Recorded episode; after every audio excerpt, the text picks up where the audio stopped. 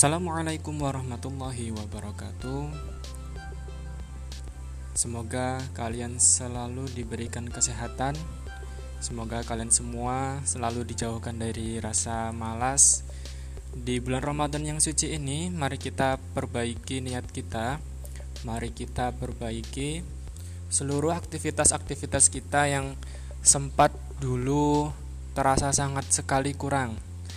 Oleh karena itu, di bulan Ramadan ini, mari kita berlomba-lomba dalam menuju kebaikan, memperbaiki kualitas semangat hidup kita, memperbaiki kualitas semangat belajar kita, dan tentunya kita ingin menjadi yang terbaik di mata Allah Subhanahu wa Ta'ala.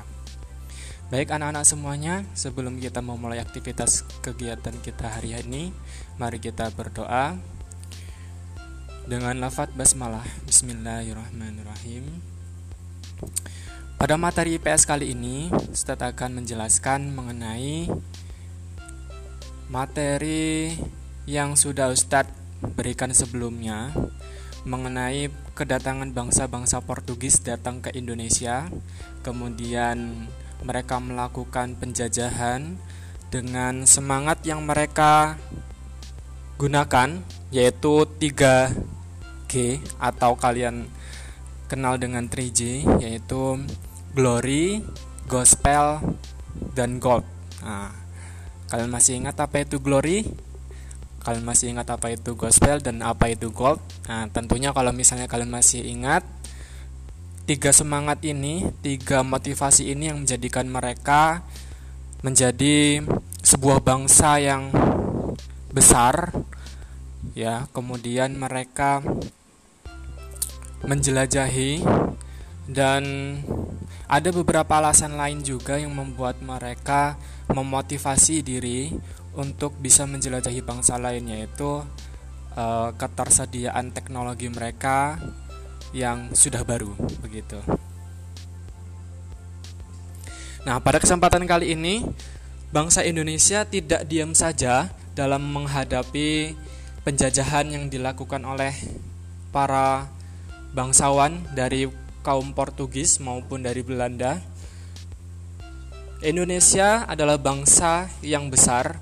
Indonesia adalah bangsa yang penuh dengan perjuangan.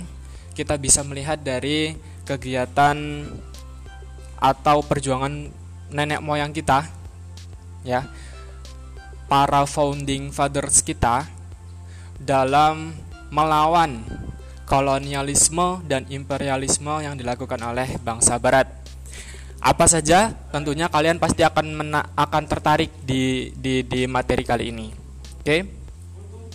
Nah, yang pertama yang pertama kita akan berbicara mengenai perlawanan bangsa Indonesia terhadap persekutuan dagang. Nah, jadi tidak hanya masalah politik bangsa Indonesia dijajah juga mengenai masalah dagang ya. Pada saat itu di daerah Ternate dan Tidore, daerah Ternate dan Tidore ini adalah di dekat Pulau Halmahera dan tempatnya itu di sebelah timurnya Pulau Sulawesi atau tepatnya Maluku Di sini kita bisa melihat perjuangan salah satu pahlawan kita yaitu Sultan Ba'abullah. Sultan Ba'abullah ya. Tulisannya Sultan Ba'abullah. Nah, Sultan Ba'abullah ini ceritanya mengusir mengusir Portugis dengan dengan penyebab utamanya adalah saat itu Portugis menghalang-halangi perdagangan Banda dengan Tidore. Nah, jadi awalnya ini uh, Pulau Banda dengan Pulau Tidore ya kerajaan Banda dengan kerajaan Tidore ini sedang berdagang tetapi Portugis itu menghalang-halangi. Nah Portugis saat itu menembaki perahu dari Banda yang akan beli cengkeh ke Tidore. Karena Tidore tidak terima dengan tindakan armada Portugis lalu mereka melakukan perlawanan. Dalam perang tersebut Portugis berhasil mengadu domba kerajaan Ternate dan Tidore. Jadi ini politik adu domba ya. Portugis mendapat dukungan dari Ternate dan Bacan. Nah, di sinilah akhirnya Portugis mendapat kemenangan. Nah, rakyat Maluku itu sadar bahwa Portugis hanya akan merusak perdamaian. Nah, di sini Sultan Hairun berhasil menyatukan rakyat dan mengorbankan perlawanan pada tahun 1565. Portugis akhirnya terus terdesak oleh gempuran tentara kerajaan yang didukung rakyat. Portugis menawarkan perundingan kepada Sultan Hairun. Sultan Hairun ini adalah raja yang cinta damai sehingga menerima ajakan Portugis. Pada tahun 1570, bertempat di benteng Sao Paulo, terjadi perundingan antara Sultan dan Portugis. Pada awal perundingan, semua berjalan seperti ya pada umumnya perjalanan apa rapat begitu. Pada saat pada saat itu Sultan Harun tidak menaruh menaruh curiga sedikit pun. Ia merasa bahwa perdamaian jauh lebih baik. Namun pada saat perundingan berlangsung tanpa disangka-sangka Portugis menangkap Sultan Harun dan pada saat itu juga membunuhnya. Nah, inilah kejamnya uh, Portugis. Mereka menggunakan siasat ini untuk membunuh raja dengan mengiming-imingi kebaikan begitu. Kelicikan dan kejahatan Portugis itu sontak menimbulkan kemarahan rakyat Maluku kan nah akhirnya Sultan Ba'abullah putranya Sultan Hairun ini dengan gagah berani melanjutkan perjuangan ayahandanya dengan memimpin perlawanan pada saat bersamaan, Ternate dan Tidore akhirnya bersatu melancarkan serangan terhadap Portugis. Dan akhirnya Portugis berhasil dipukul dipukul mundur dari Ternate. Nah, gitu ya. Itu salah satu perlawanan bangsa port perlawanan bangsa uh, perlawanan bangsa Portugis ya yang dilakukan oleh Sultan Ba'abullah dari kerajaan Ternate. Kemudian ada lagi yang dari Aceh. Kalian bisa melihat nanti di buku ya. Ada lagi kerajaan-kerajaan dari Raja Goa. Nah, ini di Sulawesi Selatan Kalian pasti pernah melihat di buku pelajaran yang ada gambar pahlawan-pahlawan. Kemudian di situ kalian bisa melihat ada gambar Sultan Hasanuddin. Sultan Hasanuddin ini adalah salah satu raja dari Raja Goa di Sulawesi Selatan. Dia dikenal dengan ayam jantan dari timur. Kisahnya gimana sih yang heroik ini? Kisahnya itu ketika Sultan Hasanuddin itu berselisih paham dengan Raja Bone. Hal ini dimanfaatkan VOC. Jadi VOC itu senang banget kalau misalnya ada yang apa ada dua raja dari bangsa Indonesia itu lagi berselisih mereka memanfaatkan keadaan. Ini liciknya mereka seperti ini. Kemudian VOC memberikan dukungan kepada mana? Kepada kepada Raja Boni. Sehingga waktu itu Raja Boni menang lawan kerajaan Goa yaitu melawan Raja Sultan Hasanuddin. Nah, perjanjian ini akhirnya dimanfaatkan oleh VOC untuk membentuk sebuah perjanjian dengan Sultan Hasanuddin. Begitu. Kemudian perlawanan terhadap pemerintah Hindia Belanda. Gini ya. Kalian pernah melihat Masjid Agung yang di Aceh? Masjid Agung ini kalau beberapa tahun yang lalu tahun 2004 tepatnya di Aceh itu kalian kan dengar ya pasti sudah lahir juga atau belum ya? Sepertinya belum ya. Tahun 2004 yang lalu itu ada tsunami besar di Indonesia yang melanda Aceh. Gempa berkekuatan uh, hampir 9 skala Richter waktu itu melulu lantahkan Aceh. Kemudian itu gelombang tsunami-nya sampai ke negeri seberang seperti Malaysia, Brunei Darussalam, kemudian luar biasa sekali. Dan korbannya juga nggak main-main ya, sampai ratusan jiwa, ribu jiwa, bahkan sampai satu jutaan lebih gitu. Kalau di total dari seluruh dunia. Nah, Masjid Agung Aceh yang anehnya ya, ketika semua bangunan seluruh seluruhnya lulu lantah oleh tsunami itu Masjid Agung Aceh tetap berdiri kokoh. Tetap berdiri kokoh. Ini menandakan bahwa Allah memiliki kuasa terhadap segala sesuatu. Gitu. Masjid ini ternyata memiliki kisah heroik, memiliki kisah kepahlawanan yang luar biasa. Ya,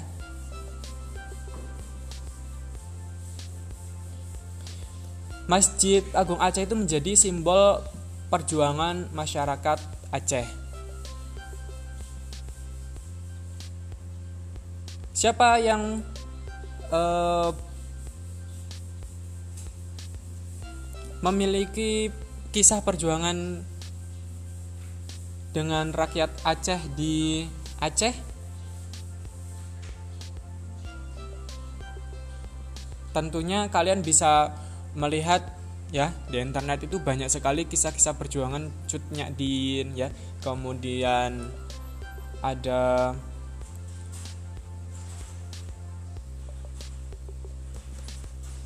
banyak sekali ya banyak sekali banyak sekali. Kemudian kita bisa melihat lagi peperangan-peperangan ad, yang ada di Ambon ya ini diprakarsai oleh Thomas Matulesi kemudian ada Christina Martati Yahahu kemudian ada perang Padri ini di Sumatera Barat ya. Perang Padri di Sumatera Barat tepatnya di Minangkabau. Negeri negeri para Melayu gitu. Kemudian ada perang di Ponegoro kemudian ada lagi perang Aceh ya. Perang Aceh yang tadi Ustadz jelaskan uh, salah satu tokohnya dia tuh Tauku Umar ya dan Cut Din. Kemudian ada perlawanan Sisingamangaraja kemudian ada perang Banjar dan perang Jagaraga di Bali. Nah ini beberapa perang-perang yang terkenal. Sebenarnya banyak sekali perang-perang yang ada di Indonesia melawan bangsa Portugis dan bangsa Belanda. Tetapi karena memang kita harus tahu eh, beberapa perang-perang yang memang ini sangat mem menyemangati kita ya, membuat jiwa kita itu semakin berkobar-kobar semangatnya begitu. Seperti contohnya perang perang di Ponegoro ya. Perang di Ponegoro. Perang di Ponegoro ini terjadi pada tahun 1825 sampai 1830. Nah, eh, salah satu salah satu perang yang terbesar di Indonesia yang dihadapi Belanda adalah perang di Ponegoro. Ya. Kenapa sih kok bisa terjadi perangan di Ponegoro pada saat itu?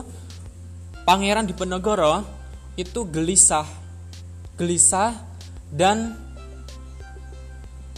gelisah dan merasa tidak nyaman dengan penindasan yang dilakukan oleh pemerintah Hindia Belanda.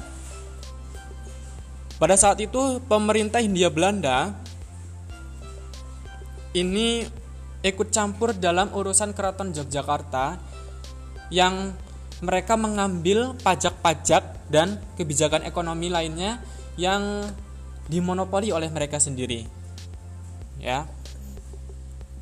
Salah satu bukti campur tangan politik Belanda itu adalah urusan politik kerajaan Yogyakarta. Nah, ketika itu terjadi pada tahun 1822 pada saat pemerintahannya Sultan Hamengkubuwono keempat. Di dalam keraton itu muncul perselisihan tentang penggantinya. Nah, saat ini putra mahkota baru berumur 3 tahun.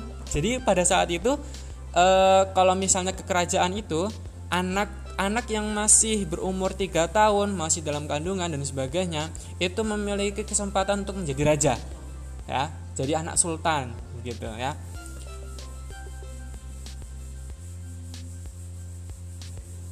Contohnya gini, saat membangun jalan baru pada Mei 1825, Belanda dan Batih dan Nuraja memasang patok-patok-patok pada tanah leluhur di Ponegoro. Nah, di sini terjadi perselisihan dong. Ya, harusnya nggak nggak nggak nggak boleh begitu ya kemudian Diponegoro itu akhirnya Pangeran Diponegoro meninggalkan eh, menyusun meninggalkan kota dan menyusun strategi perlawanan di luar kota. Perang Jawa dikumandangkan untuk mengusir Belanda. Perlawanan tersebut menular sampai Jawa Tengah dan Jawa Timur. Begitu. Kemudian ada lagi perang Jagaraga di Bali. Nah, ini ini perang Jagaraga di Bali ini eh, termasuknya terkenal juga. Waktu itu perang Jagaraga ini terjadi ketika Belanda dan kerajaan di Bali bersengketa tentang hak tawan karang. Nah, hak tawan karang ini menyatakan bahwa setiap kapal yang kandas di perairan Bali menjadi hak penguasa daerah tersebut. Nah, pemerintah Belanda memprotes Raja Buleleng. Saat itu kan rajanya Buleleng tuh yang menyita dua kapal milik Belanda. Raja Buleleng ini nggak terima dengan tuntutan Belanda. Untuk apa ngembaliin kedua kapalnya dong? Akhirnya persengketaan ini menyebabkan Belanda melakukan serangan terhadap kerajaan Buleleng pada tahun 1846. Belanda berhasil menguasai kerajaan Buleleng, sementara Raja Buleleng menyingkir ke Jagaraga. Nah, di sini dibantu oleh kerajaan Karangasem. Setelah berhasil merebut benteng Jagaraga, Belanda melanjutkan ekspedisi militer pada tahun 1845. Dua kerajaan Bali yaitu Gianyar dan Klungkung menjadi sasaran Belanda Seluruh kerajaan di Bali pun jatuh ke pihak Belanda saat itu. Setelah melakukan perang habis-habisan sampai mati yang dikenal dengan Perang Puputan Jagaraga. Nah, di sini nih. Nah, perang Puputan Jagaraga gitu. Yang di situ yang yang asiknya di itu ya. Oke. Uh, itu beberapa perang perlawanan bangsa Indonesia melawan bangsa Portugis dan bangsa Belanda. sebenarnya sikap-sikap bangsa Indonesia ini sudah sangat heroik sekali gitu. Mereka tidak mau ditindas oleh orang lain, oleh bangsa lain di negeri mereka sendiri gitu. Karena memang sifat tamak dari bangsa barat, terutama Portugis dan Belanda yang mempunyai misi 3G itu itu sangat membuat bangsa Indonesia resah begitu ya. Rakus banget tamak maruk gitu ya. Maruk begitu. Oleh karena itu kita bisa mengambil pelajaran di sini. Bahwa yang pertama hmm, sifat-sifat hmm, tamak kemudian maruk kemudian ya yang kalian bisa lihat di sini itu sangat tidak baik dan bisa mencelakakan orang lain ya yang kemudian kedua ketika ada hal-hal yang seperti itu kita nggak boleh tinggal diam dong ini menyangkut dengan harga diri kita masing-masing, maka kita wajib untuk melawan begitu. Ya. Oke, sampai di sini perjumpaan kita. Jadi, tugas kalian pada kesempatan kali ini itu adalah hmm, Ustadz berikan saja di Google Form ya. Oke, terima kasih atas perhatiannya.